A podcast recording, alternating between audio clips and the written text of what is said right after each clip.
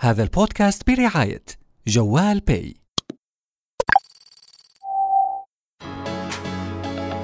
أهلا فيكم. ببودكاست اقتصادي معكم أنا سيف قواسمة وبرعاية جوال باي.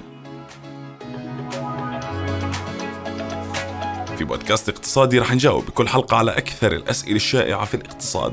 ونحاول نشرحها بطريقة سهلة ونعطي أمثلة عليها لتوضح الصورة أكثر.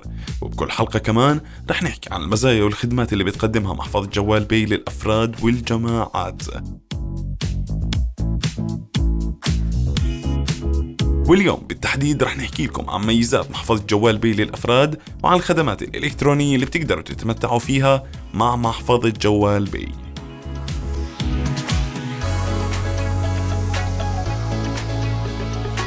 وسؤالنا الشائع لليوم هو متى بتعلن الدول إفلاسها؟ عم نسمع مؤخرا عن إعلان لبنان إفلاسها وعن مواطنين حجزت أموالهم بالبنوك وعن ناس خسرت كل أرصدة ادخارها. لهيك حبينا نشرح الموضوع. لبنان يعلن إفلاسه رسميا. لبنان ينفي خبر إفلاسه رسميا. لبنان في طريقه للإفلاس. أين الحقيقة؟ تداولت العديد من وسائل الإعلام في الرابع من أبريل 2022 خبر إفلاس لبنان. ما أثار ضجة وموجة تضامن واسعة مع البلد العربي الذي شهد أزمات متلاحقة في السنوات الأخيرة. لكن الحقيقة أن لبنان لم يعلن إفلاسه رسميا وما جرى تداوله هو تصريحات مجتزأة لنائب رئيس الوزراء سعادة الشامي عن إفلاس لبنان ومصرف لبنان المركزي. ما أجبر حاكم مصرف لبنان رياض سلامة على الخروج في بيان لنفي الخبر وأن إعلان خبر كهذا يعود فقط لرئيس الوزراء نجيب ميقاتي مؤكدا أن مصرف لبنان ما زال يقوم بمهامه الموكلة إليه بحسب القانون. منذ فترة ولبنان يشهد أزمات اقتصادية متلاحقة جعلته على شفير الإفلاس والانهيار وهو الآن في مفاوضات مع صندوق النقد الدولي لإنقاذه من كارثته الاقتصادية وجدولة ديونه الحالية والحصول على دين جديد ولكن ماذا يعني إفلاس الدولة؟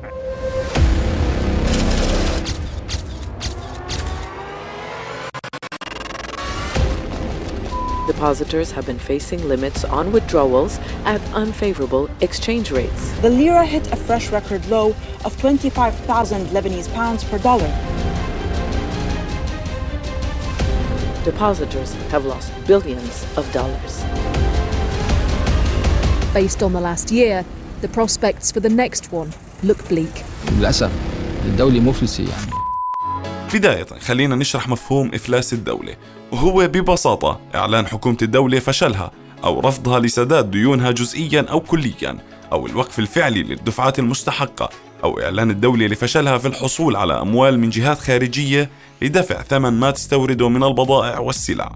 وغالبا بيحدث الإفلاس بعد سنوات من الإنفاق المفرط على مشروعات ذات عوائد اقتصادية بتفشل عوائدها في سداد الأقساط والفوائد ومن اعتماد ميزانيات الطوارئ لتسيير الأعمال في غياب التوجهات الاستراتيجية والمرحلية للاقتصاد القومي. ومع استمرار تسوية عجز الموازنة والميزان الجاري باستخدام ديون جديدة والاعتماد على القروض الجديدة لخدمة الديون القديمة وفوائدها. ويشير ذلك لفساد الهيكل الإداري للدولة وتخلف الدولة الإنتاجي فضلا عن غياب الإفصاح والشفافية. السؤال المنطقي هلأ شو هي تداعيات الإفلاس على الدولة؟ وشو بيصير على الدول المفلسة؟ بعد إعلان الدولة إفلاسها بيحدث هزة اقتصادية عنيفة على الصعيد المحلي. فالهزة بتدفع المستثمرين وأصحاب المدخرات اللي توقعوا هبوط قوي في قيمة العملة المحلية لسحب أموالهم من الحسابات المصرفية ونقلها لخارج البلاد. وهذا الإشي بيزيد الضغط على الجهاز المصرفي وبيؤدي لمزيد من تآكل القوة الشرائية للمواطنين.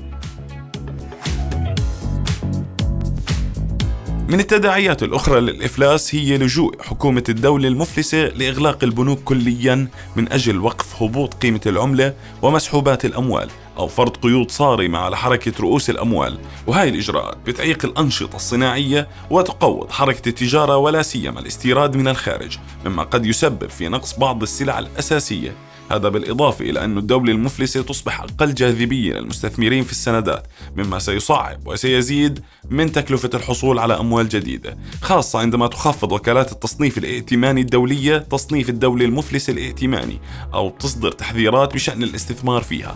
وبشكل عام بتكون تداعيات الإفلاس أكثر إيلاما إذا كانت عشوائية وفجائية وغير منظمة.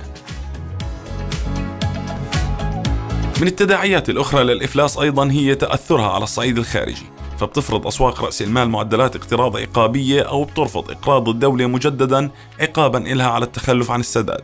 ونقطة مهم تعرفوها بأنه تسوية الديون أو إعادة هيكلتها بين الحكومات المتعثرة والدائنين لا تحكمها قوانين دولية تنظم هذا الأمر بل تتم بالتفاوض الذي يكون مكلف ومرهق لجميع الأطراف في أغلب الأحيان.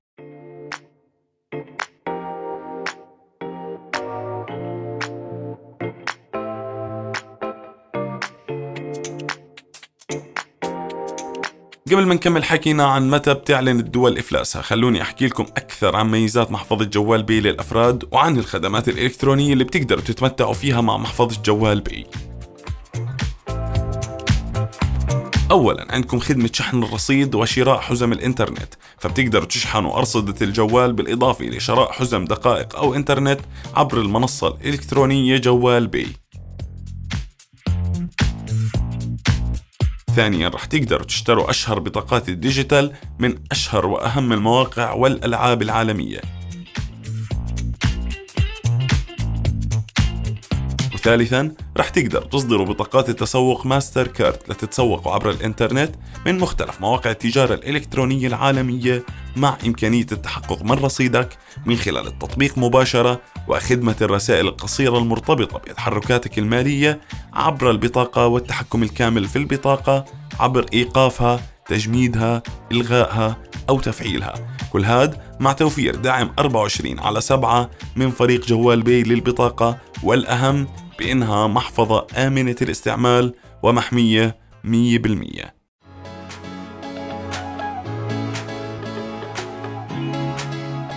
نرجع لموضوعنا اللي بنحكي فيه عن إفلاس الدول. متى بتعلن إفلاسها وليش؟ شو بتتحمل آثار من جراء الإفلاس؟ بس الآن رح نحكي عن نماذج لدول أفلست وكيف تعاملت مع الموضوع. فلبنان مش أول دولة بتعلن إفلاسها وما راح تكون الأخيرة. ففي قائمة بلدان العالم الأكثر وقوعا في الإفلاس تتصدر الإكوادور اللي أعلنت إفلاسها عشر مرات. وبعدها بتيجي البرازيل والمكسيك والأوروغواي وتشيلي وكوستاريكا وإسبانيا وروسيا. وفي 17 أغسطس من العام 1998 أعلنت روسيا إفلاسها. بعد عجزها عن سداد الديون الخارجية المتراكمة جراء إصدار سندات حكومية قصيرة الأجل بسبب الأزمة الاقتصادية الناتجة عن تحولها من دولة شيوعية إلى دولة رأسمالية بعد انهيار الاتحاد السوفيتي في 25 ديسمبر 1991 في عام 2001 أعلنت الأرجنتين إفلاسها بسبب الأزمة المالية وتعاظم الديون. وقال الرئيس الأرجنتيني أدولفو رودريغيز حينها أنه قرر وقف سداد الديون الأجنبية الهائلة المترتبة على بلاده حيث كانت البلاد غارقة في كساد منذ أربع سنوات وكانت ديون الأرجنتين بتبلغ 132 مليار دولار.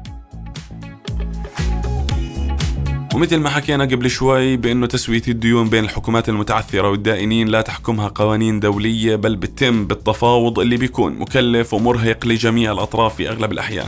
وهذا الشيء بخليني لازم أحكي لكم عن تصرف الصين مع الدول اللي ما سددت لها ديونها. فبتشتهر القروض الصينية بالرهون السيادية اللي بتمكن الصين من خلالها من الاستيلاء على مطار انتيبي الدولي بعد فشل الحكومة الأوغندية في تسديد قرض لها عام 2015 وقصة ميناء هامبانتوتا سريلانكا اللي استحوذت عليه الصين مدة 99 عام بعد عجز سريلانكا عن سداد قرض صيني. بالإضافة لقصة ميناء إكوادار الباكستاني اللي استحوذت عليه شركة صينية مدة 40 عام. وكلها حالات بتأكد التداعيات المؤلمة لإفلاس الدولة.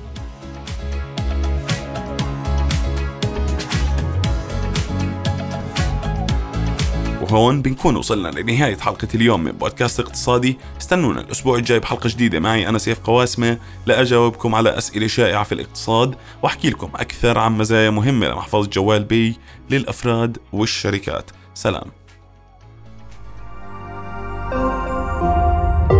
رؤيا بودكاست.